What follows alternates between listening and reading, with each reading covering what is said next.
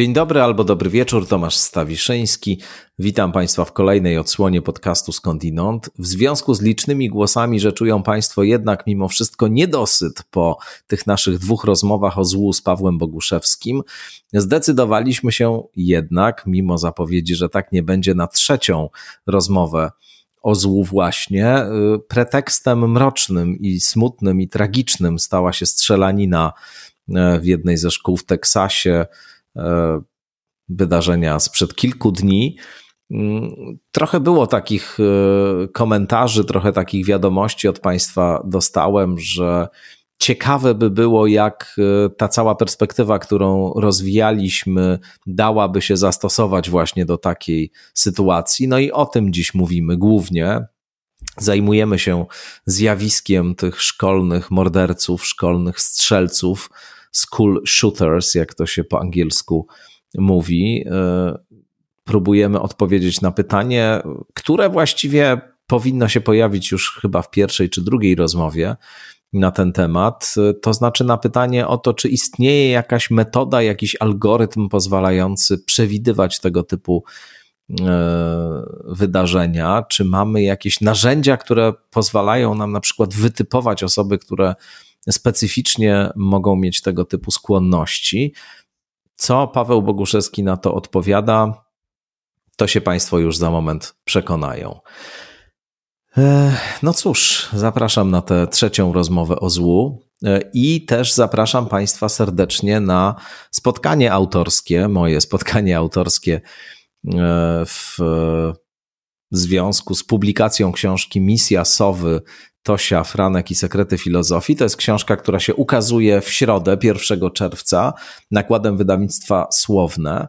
Mm, książka przeznaczona dla młodych czytelniczek i czytelników. Wydawnictwo pozycjonuje tę książkę jako adresowaną do osób w wieku 9, 9-12 to jest taki przedział wiekowy, który teoretycznie obejmuje ta książka, no ale bądźmy szczerzy, nie każdy duży w sensie fizycznym albo duży w sensie czasowym jest tak naprawdę duży. Myślę, że każdy duży ma w sobie małego, każdy duży małym e, kiedyś był.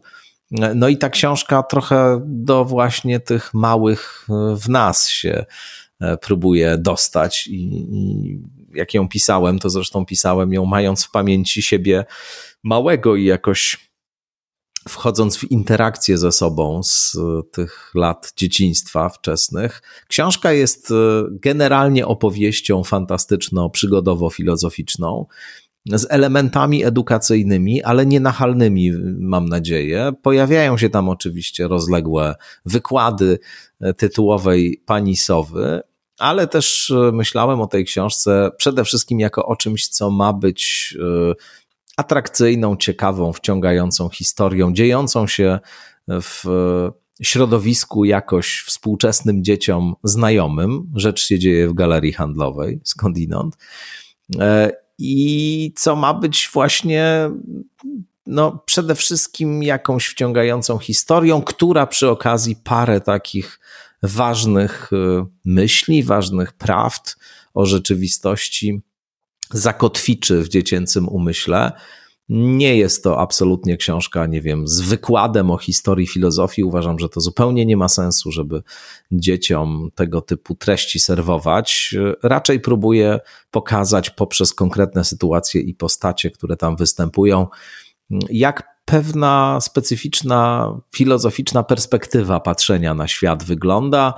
No i też ma to być wielka zachęta do czytania książek y, i coś, co raczej powinno zniechęcać od korzystania ze smartfonów. No cóż, y, zapraszam Państwa na spotkanie, które będzie 1 czerwca w warszawskiej Big Book Cafe przy ulicy Dąbrowskiego 81 o 18. Katarzyna Stoparczyk to spotkanie poprowadzi. Y, uświetni ten wieczór Joanna Osyda, aktorka i serialowa, i telewizyjna, i filmowa, i teatralna, związana z Teatrem Kochanowskiego w Opolu, która przeczyta fragmenty misji Sowy podczas tego wieczoru. No i liczę na to, że się pojawicie po prostu w Big Book Cafe w środę 1 czerwca o 18. A jak nie możecie się pojawić, to możecie obejrzeć transmisję w internecie na profilu facebookowym Big Book Cafe taka transmisja będzie. Będzie też pewnie później do YouTubie, na YouTubie do, do obejrzenia, ale bardzo by mi było miło się z Wami spotkać w realu, a nie w wirtualu. Także do zobaczenia w środę e, o 18 w Big Book Cafe 1 czerwca. No a teraz już zapraszam na spotkanie z doktorem Pawłem Boguszewskim i trzecią rozmowę o złu.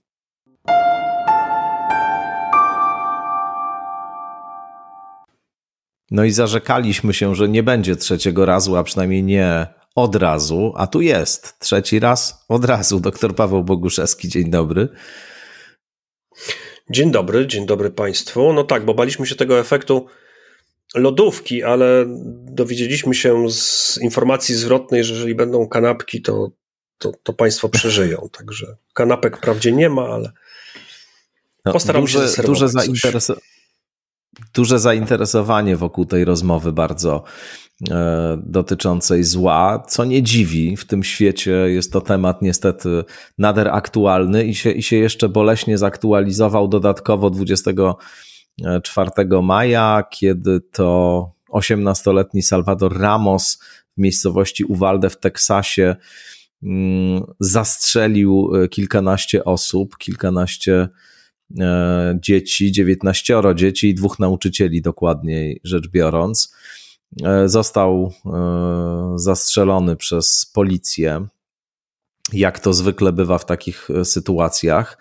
No i cóż, wiele było takich głosów, że ta perspektywa, którą rozwijaliśmy w tych dotychczasowych odcinkach, niekoniecznie wydaje się adekwatna do zrozumienia tego typu e, radykalnych mm, przejawów zła czy agresji, właśnie. Oczywiście to, czy to jest, czy nie jest adekwatne, to, to jest inna sprawa. Zawsze w przypadku takich e, bezpośrednich, drastycznych wydarzeń można mieć poczucie, że wszystkie sposoby, które mamy do tego, żeby rozumieć te wydarzenia, nie są do końca adekwatne. No ale tutaj faktycznie mamy do czynienia z fenomenem, który e, po pierwsze jest e, specyficznie amerykański, to znaczy podobne historie tu i ówdzie gdzieś tam się wydarzyły, ale generalnie takie sytuacje, że ktoś przychodzi do szkoły i strzela, to jest niestety specjalność e, Stanów Zjednoczonych. E, I e, e, jest na to nawet kategoria family, przepraszam, nie family, tylko school shooter oczywiście. A to słowo family mi się tutaj pojawiło, bo pamiętam, jak rozmawiałem kiedyś z pewnym agentem FBI i, i byłym profilerem pracującym w tej instytucji. Mark Safarik się on zresztą nazywał, i e, wtedy była słynna sprawa człowieka, który zabił całą swoją rodzinę e, na jednej z wysp, Polaka zresztą. E, I on, pamiętam, użył takiego sformułowania, kiedy ja mu relacjonowałem tę sprawę, którą on oczywiście dobrze znał. Użył takiego sformułowania typical family annihilator to wtedy duże na mnie zrobiło, przyznam, wrażenie, że jest jakaś taka kategoria, którą się określa ludzi dokonujących tak przerażające zbrodnie. I ten e, profiler był taki absolutnie spokojny, uważał, że to jest tak, klasyka, oczywiście typowy przypadek takiego likwidatora e, rodzinnego. No tu mamy do czynienia z kimś, kto też wpisuje się w pewien schemat, rzecz jasna, choć każda taka historia jest indywidualna, ale przechodząc do, do rzeczy, jak ty patrzysz na tą sprawę? Od tego zacznijmy. Jak patrzysz w ogóle na takie przypadki? Czy tylko przez pryzmat amerykańskiego prawa, które, e, które jest wyjątkowo liberalne, jeśli chodzi o dostęp do broni? Bardzo wiele jest takich głosów, że po prostu nie byłoby e, tego typu historii, gdyby nie dostęp do broni, i to jest główne źródło takich sytuacji, czy może jeszcze jakoś inaczej? E, wydaje mi się, że na pewno nie jest to jednoczynnikowa sytuacja. E, podchodząc naukowo do tego typu, do tego typu zjawisk, no to tu podejść mamy bardzo wiele, bo możemy zacząć właśnie od takiego podejścia zupełnie, mm, można powiedzieć, epidemiologiczno-socjologicznego, czyli popatrzeć sobie, jakie mamy społeczeństwa, jakie mamy nasycenie bronią w tych społeczeństwach, jaki mamy typ dostępu do broni, no bo są też kraje, gdzie mm, no taki suchy przelicznik ilości sztuk broni na osobę też jest całkiem wysoki, jak chociażby na przykład Finlandia czy, czy Szwajcaria w Europie, a jednak nie dochodzi tam do takich sytuacji. Możemy badać y, kulturę mm, posiadania bądź obnoszenia się z bronią, bądź kulturę używania broni do rozwiązywania różnych, y, różnych konfliktów. Y, I to jest to, można powiedzieć, takie zewnętrzne podejście, czyli tam, gdzie nie wchodzimy w szczegóły konkretnego przypadku, tylko patrzymy raczej na taką, no, można powiedzieć, suchą zewnętrzną statystykę. I to są podejścia, które mogą nam bardzo dużo powiedzieć, ale z drugiej strony możemy też starać się mm, zagłębić właśnie w, w, umysły tych, tych osób, osób, które do, dopuszczają się tego typu przewinien. No i tutaj jest to troszeczkę inny temat od tego, który poruszaliśmy tydzień temu i dwa tygodnie temu, ponieważ to, co robiliśmy tydzień temu i dwa tygodnie temu, raczej moim zamysłem było pokazać dwa tygodnie temu pewne czynniki wewnętrzne, które mogą być w każdym z nas, e, które są tak naprawdę pewnego rodzaju czynnikami ewolucyjnymi, którym może nas pchnąć w kierunku okrucieństwa i agresji, jak również pewne czynniki społeczne, które spowodowały powstanie tych czynników wewnętrznych, raczej nie tyle spowodowały, znaczy spowodowały w, takim szerokim rozumieniu, że mm, pewne zjawiska uwarunkowane genetycznie, one oczywiście wychodzą z naszej biologii, ale służą nam właśnie do współpracy w środowisku społecznym. No i to są te wszystkie rzeczy, gdzie mamy ten wpływ grupy na jednostkę, szeroko rozumiany, to znaczy zarówno wpływ świadomy, kiedy chcemy wpłynąć na czyjeś zachowanie, jak i pewien wpływ nieświadomy, to znaczy pewne mechanizmy, które budzą się w nas w momencie, kiedy jesteśmy w grupie mm, i których nie jesteśmy w stanie przewidzieć tak naprawdę, kiedy jesteśmy sami. E, I to są, to były mechanizmy w miarę uniwersalne. E, I dlatego odnosiliśmy je troszeczkę bardziej do tej sytuacji wojennej w Ukrainie, ponieważ no, tam mogliśmy widzieć, dużą skalę tego typu złych, złych rzeczy, które się dzieją. Natomiast w tym przypadku mówimy raczej o czymś, co jest zjawiskiem bardzo marginalnym, bo jeżeli popatrzymy sobie na mm, chociażby w Stanach Zjednoczonych na ilość ofiar strzelanin szkolnych versus ogólnie ile ludzi ginie z powodu dużego dostępu do broni, no to nie jest to masowa skala. E, co więcej, e, sprawcy, ponieważ zwykle te strzeliny no, mają wysoki współczynnik e, zabijalności osób, to znaczy, jak gdyby jeden sprawca pozbawia życia dosyć dużą grupę ludzi. Przez to są głośne, ale tych sprawców jest w sumie niewielu. W związku z tym tutaj ciężko nam jest mówić, że jest to jakiś efekt e, ogólnych biologicznych e, efektów, czy ogólnych społecznych, raczej trzeba te przypadki traktować dużo bardziej indywidualnie, ponieważ jest to pewien taki, no, można powiedzieć, margines naszego normalnego rozkładu cech, które posiadamy. E, no i na tych marginesach zawsze te wnioskowanie dotyczące ogółu się troszeczkę załamują, bo są to po prostu ludzie, którzy są no, na granicach tej istotności statystycznej. E, w związku z tym, jak, jak widać, to mamy te, te, te podejście zewnętrzne i wewnętrzne, e, ale tak naprawdę każdy z tych przypadków jest pewnego rodzaju przypadkiem indywidualnym. No i w przypadku indywidualnym też trzeba rozpatrywać zarówno właśnie wpływ tego, co mogło siedzieć w danej osobie, to znaczy, czy ona przypadkiem nie miała jakichś problemów neurologicznych, e, uszkodzeń ośrodkowego układu nerwowego, czy nie miała jakiejś e, choroby psychicznej bądź zaburzeń psychicznych, e, jak również później całe środowisko. To znaczy, jak to środowisko jego wpłynęło na, no, na jego cechy, na jego efektywność i czy przypadkiem nie było właśnie takim wyzwalaczem tego typu zachowania. Czyli musimy troszeczkę inaczej rozumować niż w przypadku zjawisk ogólnych, populacyjnych, ale też stosować takie podejście dosyć, można powiedzieć, multidyscyplinarne, to znaczy zarówno pod kątem analizy środowiska, jak i analizy już y, biologii danej osoby. No, oczywiście są takie y, y, raporty, czy są takie mm, badania, w których próbuje się tworzyć profile tego typu osób, które właśnie dokonują takich zbrodni jak Salvator Ramos kilka dni temu, człowiek, który w Teksasie otworzył ogień do, do dzieci.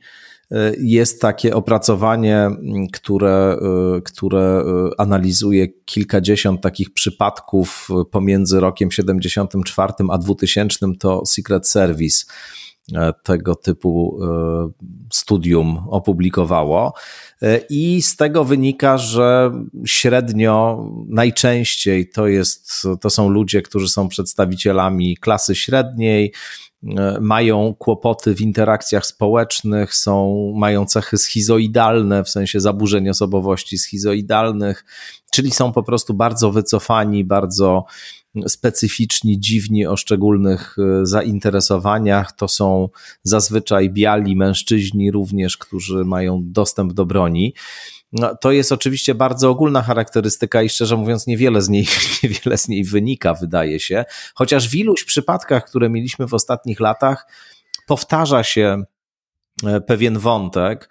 E, taki wątek mianowicie, że były e, jakieś sygnały już wcześniej, które zignorowano. W przypadku Ramosa to są informacje, które on publikował w e, mediach społecznościowych, zapowiadając, że zrobi to, co zrobi. I te informacje zostały zignorowane. I to się rzeczywiście powtarza. To znaczy, to, że mamy kogoś, kto zdradza tego typu tendencje, czy jest rzeczywiście człowiekiem, e, który mówi dużo o przemocy, fascynuje się przemocą, fascynuje się także brutalnymi grami komputerowymi skądinąd, które, e, w które intensywnie grywa i zapowiada jakoś e, to, że, że coś takiego zrobi, no i że jest to ignorowane, że jest to, że jest to całkowicie jakoś e, traktowane nie, niepoważnie, a później okazuje się, że to jednak prowadzi do tragedii. No tutaj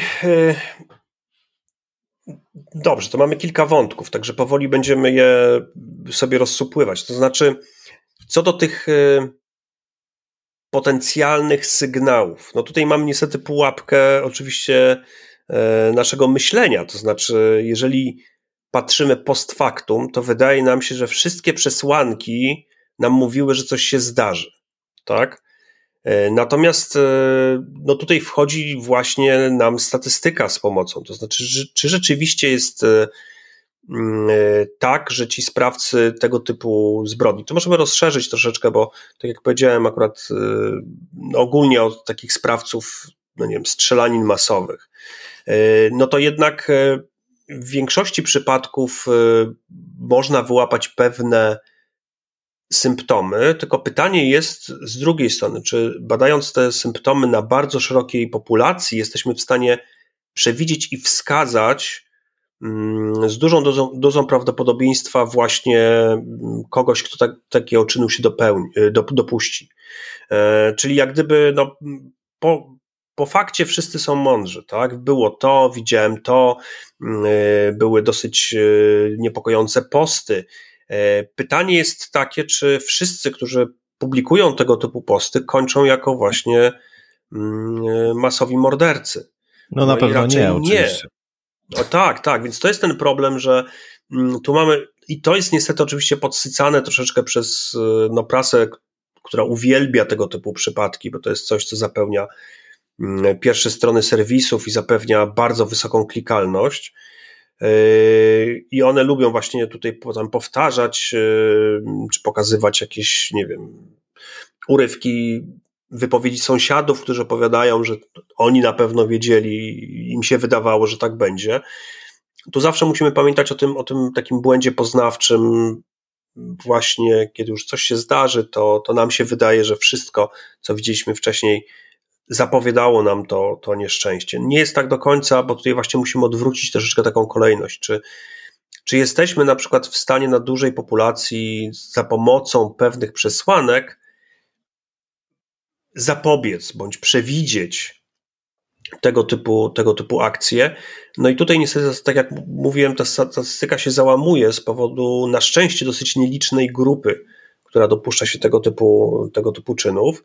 E, w związku z tym, jeżeli no, nacechowane przemocą posty mm, w internecie, to jest dużo, bardzo często jest to tak naprawdę bardziej norma niż, niż wyjątek, no one jednak nie prowadzą do powstania yy, tego typu, tego typu sytuacji. Także obawiam się, że tak, trzeba zwracać uwagę na, na tego typu przesłanki, ale trzeba mieć dużą dozę mm, sceptycyzmu, właśnie czy one są predykcyjne. Czy one są predykcyjne, tak? No bo to jest troszeczkę tak, jakbyśmy powiedzieli, no, e, każdy masowy morderca pił wodę, tak? Woda, no każdy z nich, każdy absolutnie 100% z nich e, piło wodę. Oczywiście większość, znaczy wszyscy ludzie piją wodę, tak? W związku z tym ten czynnik nie jest zupełnie predykcyjny. Natomiast występuje i koreluje stuprocentowo. Tak? Natomiast nie ma tutaj tej przyczynowości, skutkowości. I dokładnie to no, ale samo. Ten, e, ten raport, tak. o którym mówiłem, wiesz, e, Secret Service, gdzie już jest jakieś bardziej szczegółowe doprecyzowanie e, profilu nie tylko psychologicznego sprawców, no wydaje się, że bardziej konkretnie zawęża to pole poszukiwań, no ale oczywiście to też nie jest opis, który wyczerpuje wszystkie przypadki. Mieliśmy, no choćby Salvator Ramos nie, nie mieści się w tym, e, w tej, w tej klasyfikacji, ale też bardzo wiele takich e, przypadków bardzo drastycznych strzelanin szkolnych się w to nie wpisuje, choćby słynna strzelanina z Virginia Tech, z tak. 2007 roku, roku gdzie, gdzie, gdzie sprawca również nie spełniał tego opisu, no choćby przez to, że, że, nie był, że nie był e, e, białym mężczyzną, tylko był Koreańczykiem e, mieszkającym w Stanach Zjednoczonych, oczywiście z z rezydenturą w Stanach Zjednoczonych, ale, ale wiadomo, że, że wszędzie tutaj jest ten podstawowy imperatyw czy podstawowe pragnienie, że my będziemy w stanie jakiś algorytm zbudować, który nam pozwoli wychwytywać takie osoby odpowiednio wcześniej i zapobiegać. I rozumiem, że ty chcesz powiedzieć, że to jest chyba jednak. E, no właśnie, pragnienie, które niekoniecznie się spełni, że takiego algorytmu po prostu nie ma, albo my nie jesteśmy w stanie go, go wytworzyć. Yy, tak, tak mi się wydaje. To znaczy, bardzo trudno będzie nam wytworzyć jakikolwiek e, algorytm, który będzie przewidywał takie jednostkowe przypadki, tak drastyczne przypadki. Tak jak powiedziałem, to jest na granicy e, tego rozkładu normalnego, tego, co się, co się dzieje. Także to jest. E, mm, to są praktycznie przypadki losowe. Tak? To, to jest tak, jak się mówi, że wyjątek potwierdza regułę. To, to, to może być coś takiego, że te, ten wyjątek potwierdza regułę, że ludzie raczej tego nie robią. E, w związku z tym możemy mieć duży problem z przewidzeniem. Te czynniki, które mówisz, jak najbardziej e, szuka się ich i rzeczywiście na te czynniki należy zwracać uwagę. Mm, natomiast nie spodziewam się, że zobaczymy jakiegoś jedne, jeden predyktor, jeden, e, jeden absolutnie czynnik, który nam dokładnie przewidzi. One mogą nam dawać pewne prawdopodobieństwo, że coś się zdarzy. Czyli musimy zbierać różnego rodzaju takie małe, drobne predyktory, które złożone razem podnoszą nam prawdopodobieństwo wystąpienia mm, danego zjawiska. Natomiast cały czas to skumulowane prawdopodobieństwo, ono jest, y, nie jest wysokie. Ono y, nie mówi nam, że na pewno coś nastąpi, tak? Że jeżeli na przykład włapiemy 10 cech, nie wiem, cechy osobowości, jakieś zestawy genów, mm, nieprawidłowy profil funkcjonowania mózgu, pewne cechy w środowisku i wiele innych rzeczy, nawet jeżeli to wszystko złożymy razem, to i tak e, to, czy będziemy mieli pewność, że osoba się dopuści danego czynu, czy nie, według mnie nie jest wysokie. Na pewno nie jest na tyle wysokie, żebyśmy byli w stanie w ten sposób e, prewencyjnie podjąć pewne decyzje, bo trochę do tego dążymy powolutku, tak? E, to jest to jedno z tych podstawowych pytań, ale zanim to, to, no to właśnie zacznijmy w ogóle od, od, od zewnętrznych czynników. mm, i bardzo krótko no, o tym dostępie do broni, bo od tego żeśmy zaczęli i wydaje mi się, że to, to jest... To kluczowa sprawa. No, to jest tak, tutaj, jak mówiłeś... To jest pytanie, czy to jest kluczowa sprawa. Ale w poprzednich odcinkach przypominam sobie, jak mówiłeś o tym, że jak ktoś ma nawet bardzo silne inklinacje do uzależnienia, ale nie ma e, dostępu do napojów alkoholowych albo innych używek, to się po prostu nie uzależni. No gdyby nie było tego dostępu do broni tak e, łatwego w Stanach Zjednoczonych, to po prostu ci ludzie nie mogliby e, tak skutecznie do tak dużej liczby osób strzelać. No. To prawda, to prawda. Znaczy mówiąc moją wątpliwość, nie chodziło mi o to, że tak nie jest, bo tak jest na pewno. Ten dostęp do broni jest według mnie w Stanach Zjednoczonych patologiczny. To znaczy, mm, ja nie jestem, to się chyba nazywa haplo, haplofobem, haplofob, tak? czyli osoba, która uważa, że broń powinna całkowicie zniknąć. Nie, nie mam takiego podejścia. Mm, uważam, że no, tak naprawdę za mało wręcz y, mamy kontaktów y, i powinniśmy sobie częściej pochodzić na strzelnicę. Natomiast y, jest to pewnego rodzaju mm, działalność człowieka, która powinna podlegać dosyć ścisłej regulacji. Bardzo ścisłej regulacji. E, I, mm, i ta regulacja jednocześnie nie będąc takim zupełnym zakazem, ona może dać pewien taki prawidłowy balans obecności broni w społeczeństwie, a jednocześnie zapewnienia wysokiej, wysokiego bezpieczeństwa mm, e, no, ludziom w takim społeczeństwie. No bo tak jak mówi, mówiliśmy, ten, to strzelaniny masowe są jednak tutaj e, domeną Stanów Zjednoczonych, gdzie no, mamy zakodowany potrzebę posiadania broni w postaci takiej, że dla nich jest to wyznacznik posiadania swobód obywatelskich. E, bardzo często nie rozumiemy tego, tego, tego posiadania e, amerykańskiej broni. Według mnie, ja to tak odbieram, mm, to jest właśnie coś, co y, oni uważają, że jest to pewne prawo, które daje unikalność społeczeństwu amerykańskiemu, które dzięki temu jest społeczeństwem uzbrojonym i może poradzić sobie z każdą tyranią, która będzie chciała odebrać im ich wolności. Więc dla nich ta, to posiadanie do broni jest E, nie tyle tym, że ja chcę mieć tą broń i nie wiem, zabijać sąsiadów, tylko to jest dla nich troszeczkę taki wyznacznik e, bycia wolnym społeczeństwem w porównaniu do społeczeństw zniewolonych, które tej broni nie mają. E, no i niestety podlane to pewnym takim pseudopatriotycznym sosem, plus oczywiście z dużą ilością mm, po prostu brudnych pieniędzy, no bo jednak to jest bardzo dużo lobbystów jest w to, w to zaangażowanych. No jest przede wszystkim ta organizacja National NRA. Rifle Association. Dokładnie. Polecam obejrzeć sobie wystąpienia, zwłaszcza rzeczniczki tej organizacji w różnych takich dyskusjach, które właśnie dotyczą strzelanin tego typu. Poziom erystyki e, i cynizmu, który prezentuje e, ta osoba jest po prostu niesamowity i oni rzeczywiście do mistrzostwa opanowali taki rodzaj sprawności w dyskusjach na ten temat, ale no, to, że to jest wrośnięte głęboko w amerykański etos i amerykański habitus, to absolutna racja. Natomiast też jest bardzo dużo głosów wewnątrz społeczeństwa amerykańskiego, jednak krytycznych wobec aż tak szerokiego i aż tak liberalnego dostępu do, do broni, jaki jest w niektórych stanach. No, Teksas należy do E, najbardziej liberalnych i, i pamiętam, jak e, sam się wybrałem jakiś czas temu razem z moją żoną do Teksasu na wycieczkę.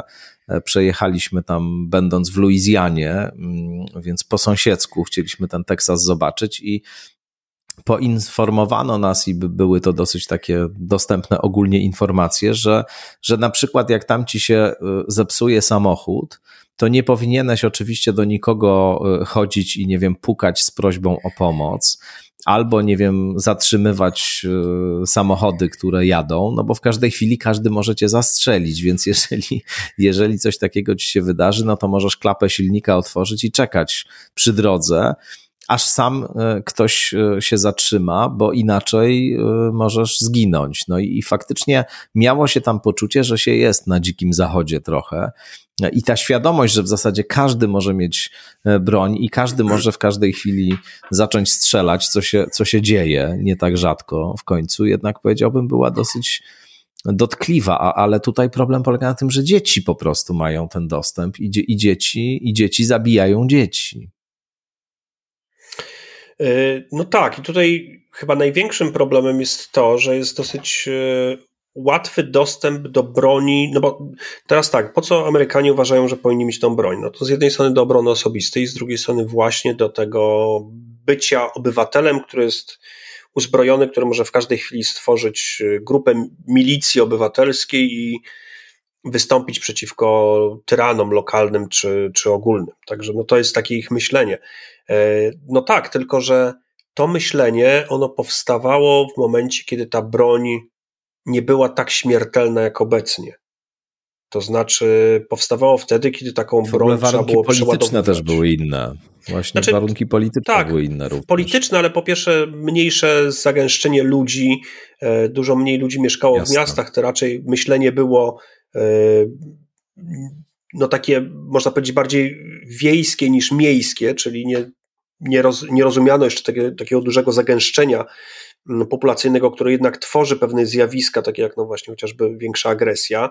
Nie było takiego ruchu drogowego, czyli ten słynny Rage Road, yy, który powoduje też dużo właśnie ofiar yy, wśród, wśród ludzi, yy, no ale też sama technologia tych, tych, tej broni, bo jednak co innego jest karabin, który trzeba tak naprawdę ręcznie przeładowywać, czyścić lufę i upychać ładunek e, e, za pomocą nie wiem, jakichś zawiniętych w kartony, kartony prochu, versus broń automatyczna, którą, którą można w bardzo krótkim czasie zrobić e, ogromne szkody. No, uważa się, że tak naprawdę wynalazkiem, który dużo bardziej jest śmiertelny dla ludzkości niż bomba atomowa, to jest właśnie chociażby kałasznikow, czyli karabin automatyczny, który pozwala jednej osobie steroryzować dużą grupę, ponieważ on jest w stanie zabić tą dużą grupę w dosyć szybki sposób. No i dostęp do tego rodzaju broni y, wydaje mi się no, być jednak zbyteczną rzeczą w przypadku no, takich cywilnych Mm, y, osób, szczególnie właśnie takich, które myślą o, nie wiem, obronie miru domowego, bo żyją troszeczkę w gorszej dzielnicy. Y, natomiast niestety to idzie w kierunku takim, że właśnie ten dostęp do tej broni najbardziej automatycznej, no niestety jest powszechny. Jest bardzo słabo kontrolowany, ponieważ y, postulaty od lat są takie, żeby wprowadzić dużo ściślejszą reglamentację taką, że musi być tak zwany background check, czyli właśnie sprawdzenie, czy osoba może posiadać daną broń, e, wprowadzenie pewnej regulacji ilościowej, no ale to wszystko jest fikcją, ponieważ no, są u nich takie targi broni, gdzie po prostu tak naprawdę e, niemalże za proszę bardzo pieniądze, dziękuję, można kupić naprawdę dowolną, dowolną broń. Więc niestety ta dostępność, tak jak powiedziałem na samym początku, według mnie jest patologiczna. E, no i rzeczywiście wydaje mi się, że gdyby y, było mniej tej broni, to po pierwsze mm, obniżyłoby to prawdopodobieństwo wystąpienia tego typu sytuacji z powodu mniejszej dostępności do broni. To oczywiście zwolennicy dostępu mówią zawsze, że przestępca i tak ją kupi, jak będzie chciał. Tak? No to pytanie jest, czy tak łatwo mu będzie to kupić. E, I wydaje mi się, że jednak jest to ten czynnik e, obniżający prawdopodobieństwa. Drugie też mi się wydaje, że to jest, wydaje mi się, że on będzie, może być dużo ważniejszy. Mm, a mianowicie pewna taka kulturotwórcza mm, obecność broni. To znaczy, jeżeli tą broń widzimy wszędzie, niestety widzimy ją w postaci filmów, seriali, e, no, wystarczy na chwileczkę włączyć jakąś blok reklamowy Mm, w telewizji, gdzie pokazują, co będą puszczać. Nie robię tego już od lat, bo telewizji unikam aktywnie od bardzo, bardzo długiego czasu. Natomiast e, kiedy niechcący się gdzieś tam widzi właśnie tego typu zapowiedzi, no to tam występuje co chwila jakiś rodzaj broni. Tak, więc niestety to jest w mediach e, obecne, ale dodatkowo, jeżeli to jest obecne fizycznie, e, no to wydaje mi się, że jednak może tworzyć pewnego rodzaju taką kulturę, czy, czy myślenie o tym, że jest to pewnego rodzaju Wiesz, metoda rozwiązywania konfliktów międzyludzkich. Absolutnie. I e, oczywiście przypuszczam, że większa, no, znakomita, albo i nawet stuprocentowa e, populacja, znaczy większa część albo 100% e, ludzi, nie wiem, dzisiaj kilkunastoletnich, to są ludzie, którzy praktycznie już telewizji nie oglądają, którzy wyłącznie w internecie funkcjonują, no ale tam e, przemocy jest mnóstwo, jeszcze więcej aniżeli w tym poczciwym programie telewizyjnym przerywanym wiadomościami, głupimi reklamami i mającym w ofercie oprócz filmów, e, w których przemoc występuje, także komedie romantyczne i inne takie, e, i inne takie rzeczy. Natomiast, natomiast na pewno takim wątkiem, który też często się pojawia, przy czym nie mówię tego w trybie demonizowania gier komputerowych w żadnym sensie. Sam e, ongiś bardzo lubiłem grać w gry komputerowe, chociaż e, oczywiście za moich czasów, za czasów moich lat, nie wiem, e, nastoletnich, to, to, to było wszystko dopiero w powijakach. Teraz ta technologia jest niezwykle rozwinięta, ale i ja lubię sobie czasem zagrać na PlayStation. Nie jakoś bardzo często, ale, ale czasami tak. Natomiast no, gry komputerowe dzisiaj, gry wideo raczej, są e, rzeczywiście potwornie brutalne. Poziom realizmu e, dzięki rozwojowi technologii jest wielki, ale poziom brutalności i to takiej naprawdę niezwykle precyzyjnie pokazywanej, i, i pozbawionej żadnych, wszelkich jakichś łagodzących elementów jest, jest ogromny. I wyobrażam sobie, że ludzie, którzy funkcjonują i tak w większości w świecie wirtualnym e, i którzy przyzwyczajeni są do mm, bardzo intensywnego, często na pograniczu albo, albo za granicą uzależnienia e, grania właśnie w tego typu, mm, w tego typu e, rzeczy, gdzie krew leje się gęsto, gdzie masz różne rodzaje broni, gdzie głównym twoim zadaniem jest niszczenie w wymyślny i, i wyrafinowany sposób e, całych tabunów przeciwników w pewnym momencie po prostu przestają trochę rozróżniać, co jest realne, a co nie jest realne, co jest grą, a co jest rzeczywistością. Zresztą bardzo często się pojawiają takie wątki w zeznaniach, że, że ci ludzie po prostu albo w różnych, w różnych komunikatach, które e, pozostawiają, że ta granica pomiędzy tym, co rzeczywiste, a tym, co realne, się u nich kompletnie, a tym, co, a, a tym, co wirtualne, się u nich kompletnie zatarła. No tutaj y, rola gier jest dosyć według mnie kontrowersyjna, ponieważ y, pojawiają się publikacje takie, które właśnie próbują na dużej grupie wyłapać pewne zjawiska i one raczej nie wskazują na ich jakąś taką ogromną rolę tak, ja wiem. we tak. wzroście. W związku z tym czy no, ale mówimy tak, tu o że... przypadkach jednostkowych ludzi, którzy mają pewne predyspozycje prawdopodobnie do, do przemocy albo jakieś specyficzne mhm. konfiguracje osobowościowe, e, u, u, których tego rodzaju syndrom jakiejś derealizacji może się, może się y, derealności może się, może się pojawiać. Tak, tak. Tylko pytanie jest właśnie, czy to jest czynnik znowu predykcyjny, tak? Czy możemy w drugą stronę, czy, czy rzeczywiście 100% mm, tych y, wielokrotnych morderców, tych strzelców, którzy zabijają wiele osób, rzeczywiście to w jakiś sposób, czy, czy, czy te gry w jakiś sposób e, wpłynęły, czy też tylko były jedynie pewnego rodzaju manifestacją ich osobowości. E, ale no z tego, co rozumiem, to jednak te badania wskazują, że nawet gry, gdzie mamy właśnie pewne cechowanie mm, e, brutalnością, one jednak no nie są w stanie wykryć nam te osoby, które, które potem dopuszczają się różnych czynów. Że też się mówi o tym, że bardzo często e, te gry mają troszeczkę taki rodzaj, pewnego rodzaju wentyla bezpieczeństwa, to znaczy w momencie, kiedy one, kiedy mamy osobę, która może mieć pewnego rodzaju problemy z agresją, to tak naprawdę te gry mogą jakoś kanalizować tą agresję. Problem jest taki, że niestety często odpowiedź w tego typu badaniach mamy taką, jaką sobie troszeczkę założyli wcześniej badacze. To znaczy, jeżeli ktoś chce udowodnić, że gry są spoko, no to można tak to badanie mm, przygotować, że to nam wyjdzie i w drugą stronę. Znaczy, jeżeli będziemy uważali, że trzeba potępić gry, no to też, też będziemy w stanie w jakiś sposób y, dobrać sobie odpowiednio próbę. Także tutaj, tutaj trzeba uważać właśnie na tą mm, bardzo rzetelność naukową i zupełną transparentność do tezy, którą chcemy, chcemy udowodnić. Y, także tutaj w te gry bym specjalnie nie wchodził, natomiast y, może idźmy w bo czas jak zwykle w tej lodówce wolniej płynie, ale, ale jednak płynie. E, więc idźmy sobie właśnie w kierunku takich czynników, które możemy wyłapać, ponieważ e, e, to, co na pewno jest takim, znaczy jednym z czynników predykcyjnych, który jest dużo mm, bardziej wiarygodny niż te gry, czy chociażby sam, znaczy no, dostęp do broni z tą realizacją końcową. Mm, ale to są różnego rodzaju właśnie mm, interakcje, o których mówiliśmy, a mianowicie mówiliśmy, że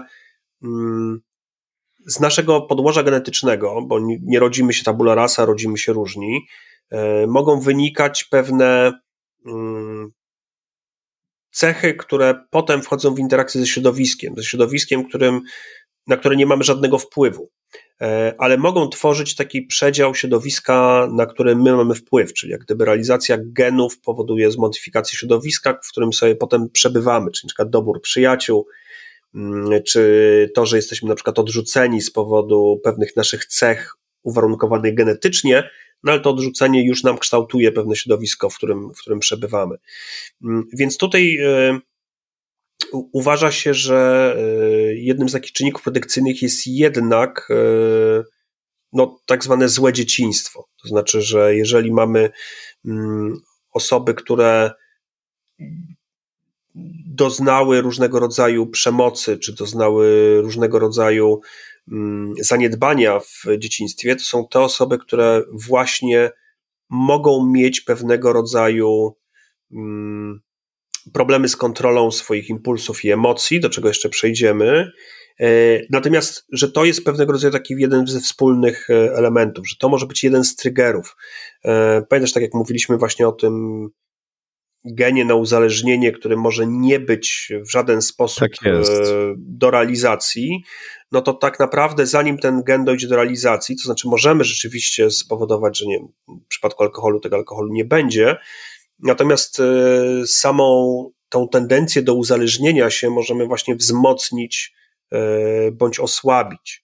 W związku z tym te czynniki środowiskowe, te właśnie czynniki tego dobrego, złego domu, mm, one mogą, są jednymi z czynników, które właśnie wychodzą na przykład w tym raporcie FBI, o którym ty mówiłeś.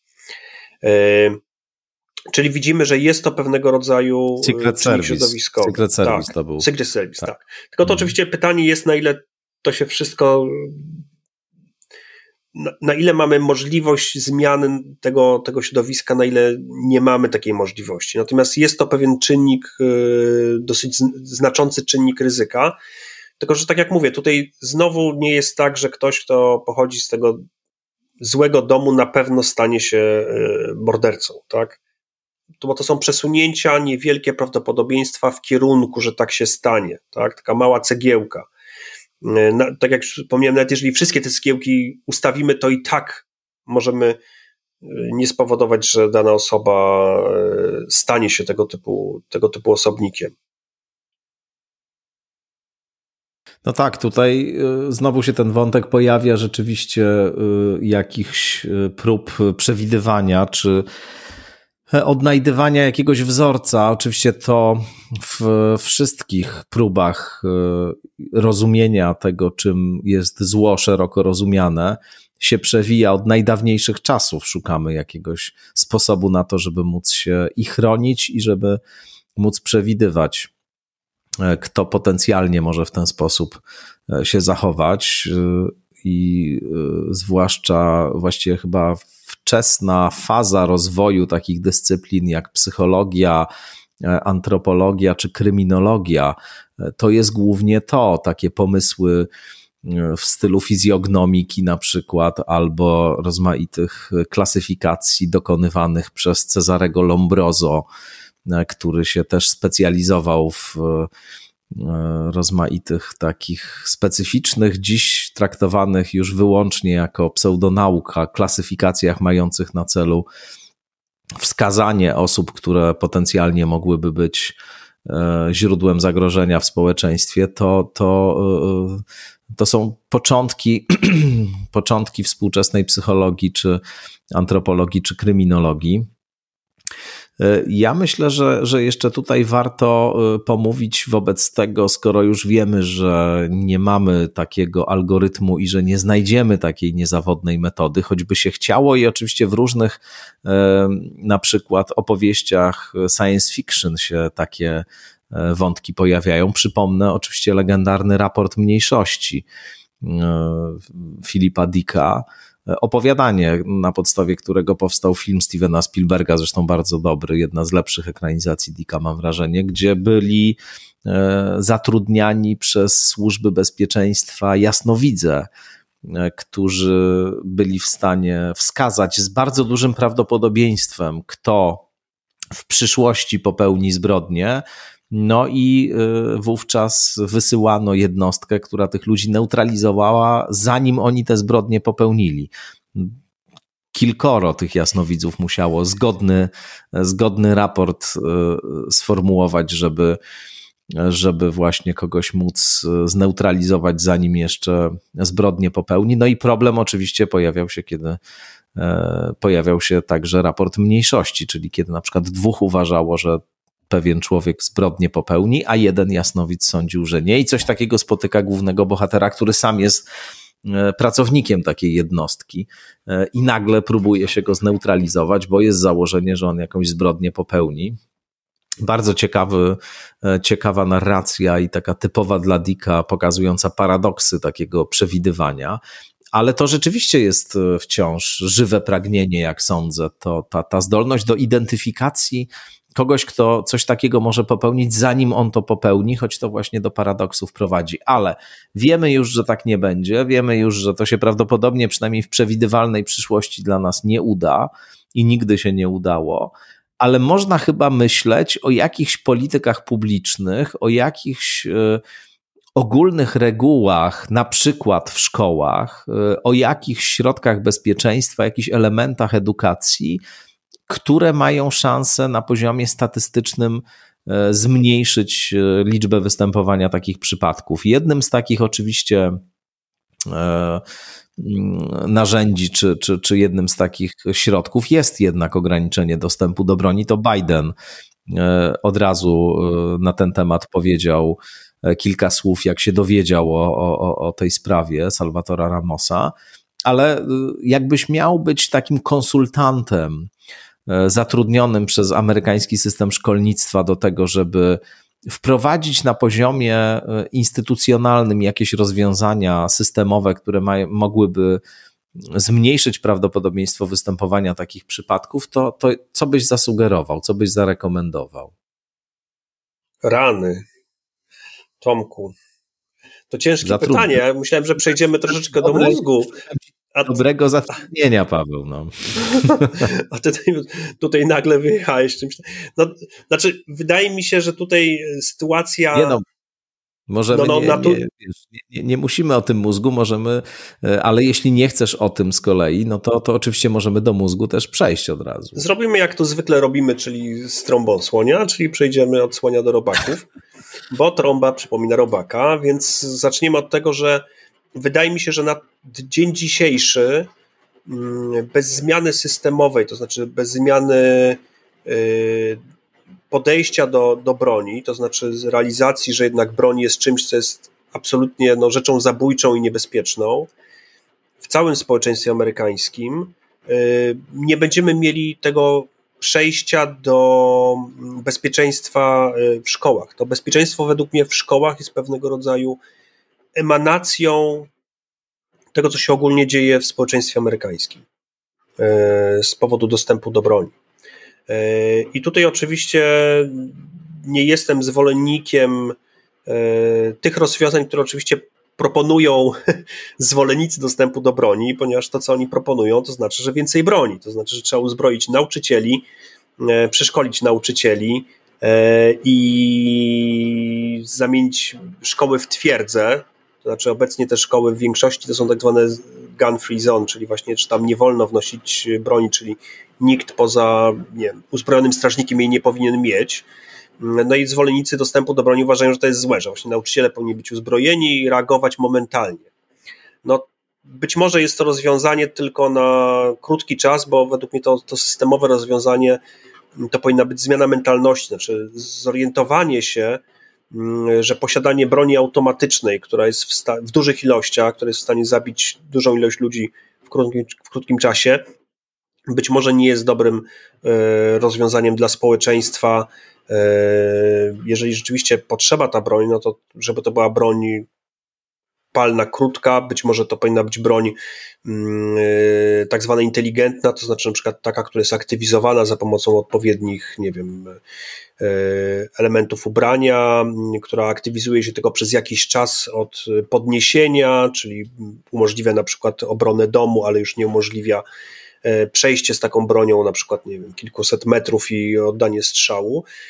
Także według, według mnie dopiero jak się zmieni to podejście, to będzie można właśnie zmienić E, zmienić tą, e, to całe nastawienie. Ponieważ te regulacje, które są akurat e, w przypadku Stanów Zjednoczonych, one są jednak no, idą z, znaczy najpierw są myśli i modlitwy, tak, z których potem nic nie wynika. Tak? No bo potem się okazuje, że jednak idą wybory E, i ta część e, społeczeństwa, która chce mieć dostęp do broni, jest jednak zbyt dużą częścią e, i strach ją przestraszyć przed, przed wyborami. Więc z tego, co ja widzę, to, to patrząc po owocach, to raczej to nie idzie w tym kierunku, żeby ograniczać bądź zmieniać jakoś, jakiś dostęp. Zwykle są to dorywcze, dorywcze metody zmiany taktyki działania, więc ja się, ja się obawiam, że E, z tej całej sytuacji wyjdzie jednak tak, że ci nauczyciele będą, będą uzbrojeni. E, ja akurat pamiętam tą strzelinę w Virginia Tech, bo akurat wtedy mieszkałem w Stanach.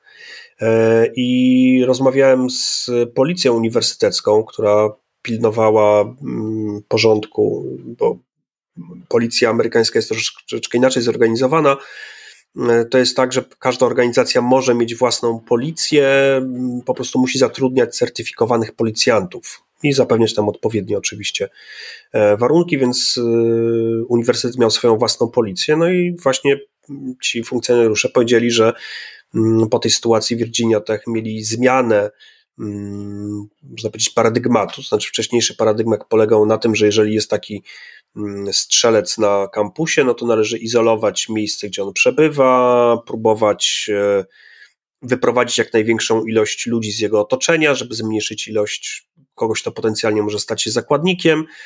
No i następnie poczekać, e, przeprowadzić negocjatora i procedować z całą taką mm, sytuacją. Natomiast e, no, powiedzieli, że teraz jest inny paradygmat, to znaczy pierwsza jednostka, która jest w okolicy, ma się uzbroić i spróbować jak to powiedzieć, zneutralizować zagrożenie najszybciej jak się da.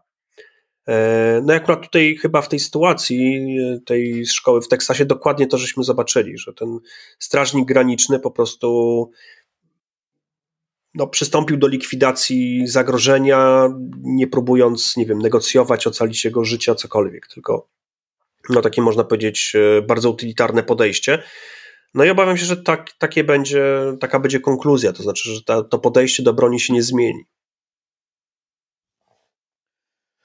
Zgadzam się z Tobą, też myślę, że tak będzie. Zresztą y, no, jakieś takie y, delikatne głosy od czasu do czasu, że się jednak może powinno coś zmienić w tej amerykańskiej polityce w związku z dostępem do broni się pojawiają, ale żaden polityk nigdy nie poważył się na to, żeby jakoś faktycznie tego typu rewolucje tam przeprowadzić, no bo zdają sobie wszyscy doskonale sprawę, że to by oznaczało ich polityczny koniec, bez względu na to, czy to Obama, czy, czy Biden. Y, czasem coś powiedzą, ale, ale nikt z tym nic nie robi i właściwie wszyscy, którzy jakoś dobrze znają specyfikę amerykańskiego społeczeństwa i, i, i zresztą kilka książek i po polsku bardzo ciekawych się pojawiło na temat tego amerykańskiego stosunku do broni.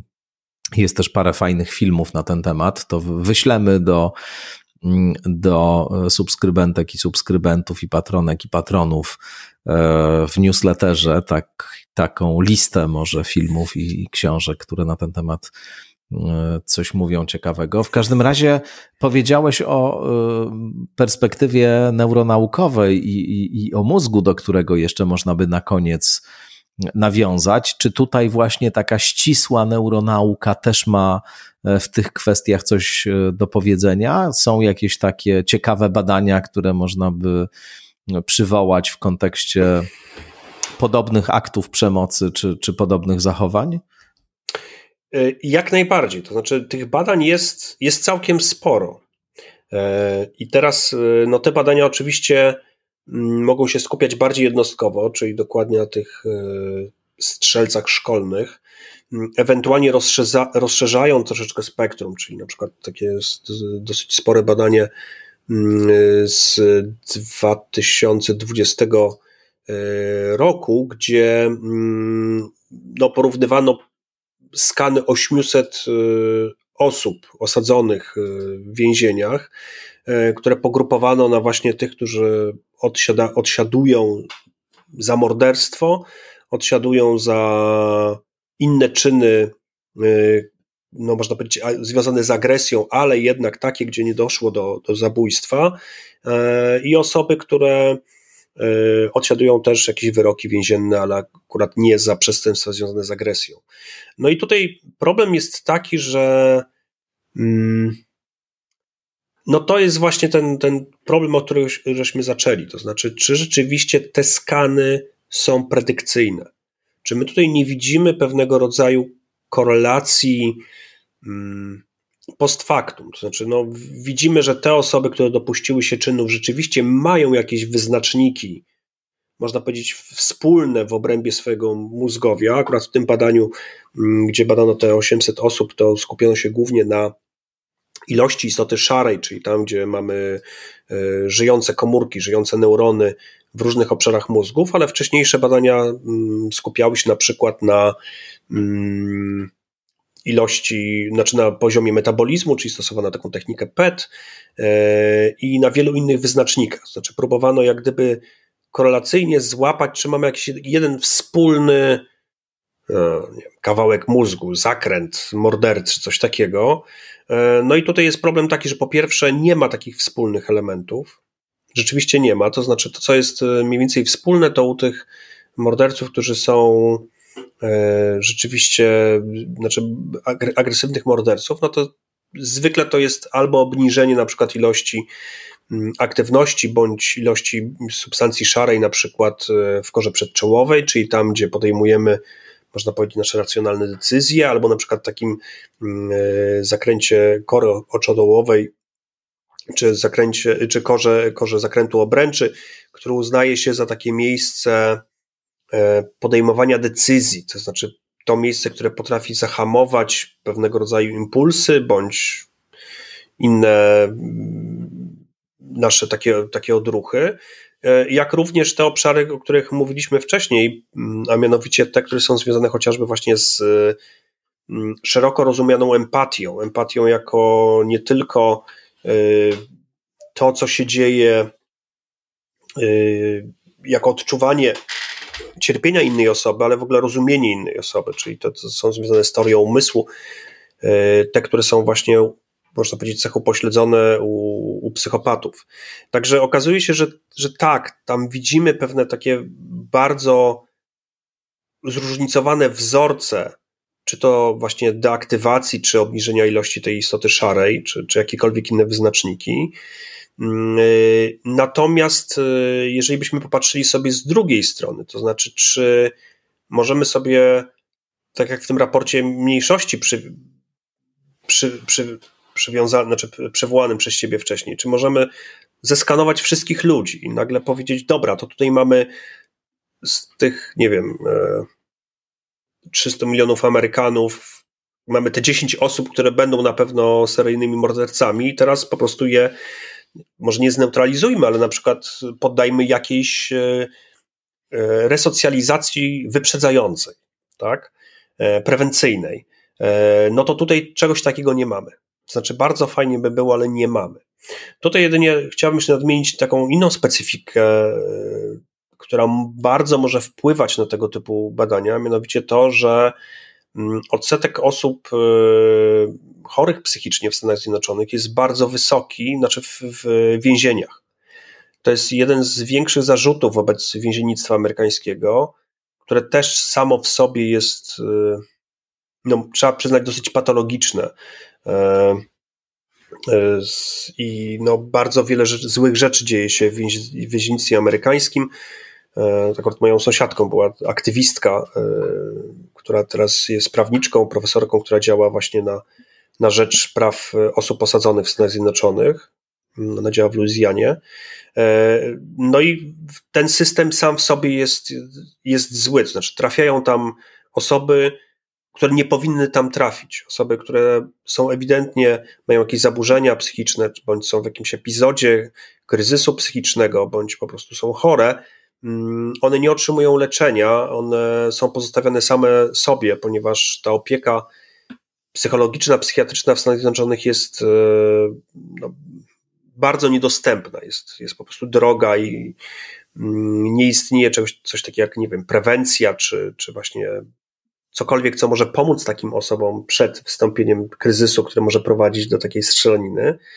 Mm, no i te osoby bardzo często właśnie po, post, po, post, po e, popełnieniu drobnych przestępstw, one często właśnie lądują w więzieniu, które tak naprawdę bardzo pogłębia ten, ten ich stan. Wiele osób, które są w więzieniach, w Stanach, e, w Europie w ogóle by tam nigdy nie trafiły.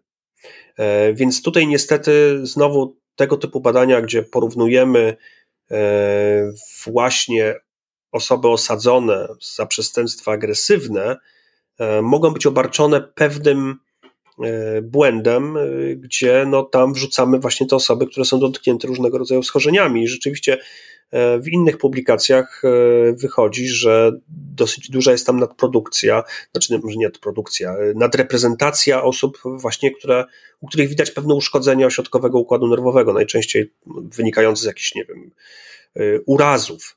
W związku z tym to też może nam nie dawać takiego, takiej, takiej predykcji.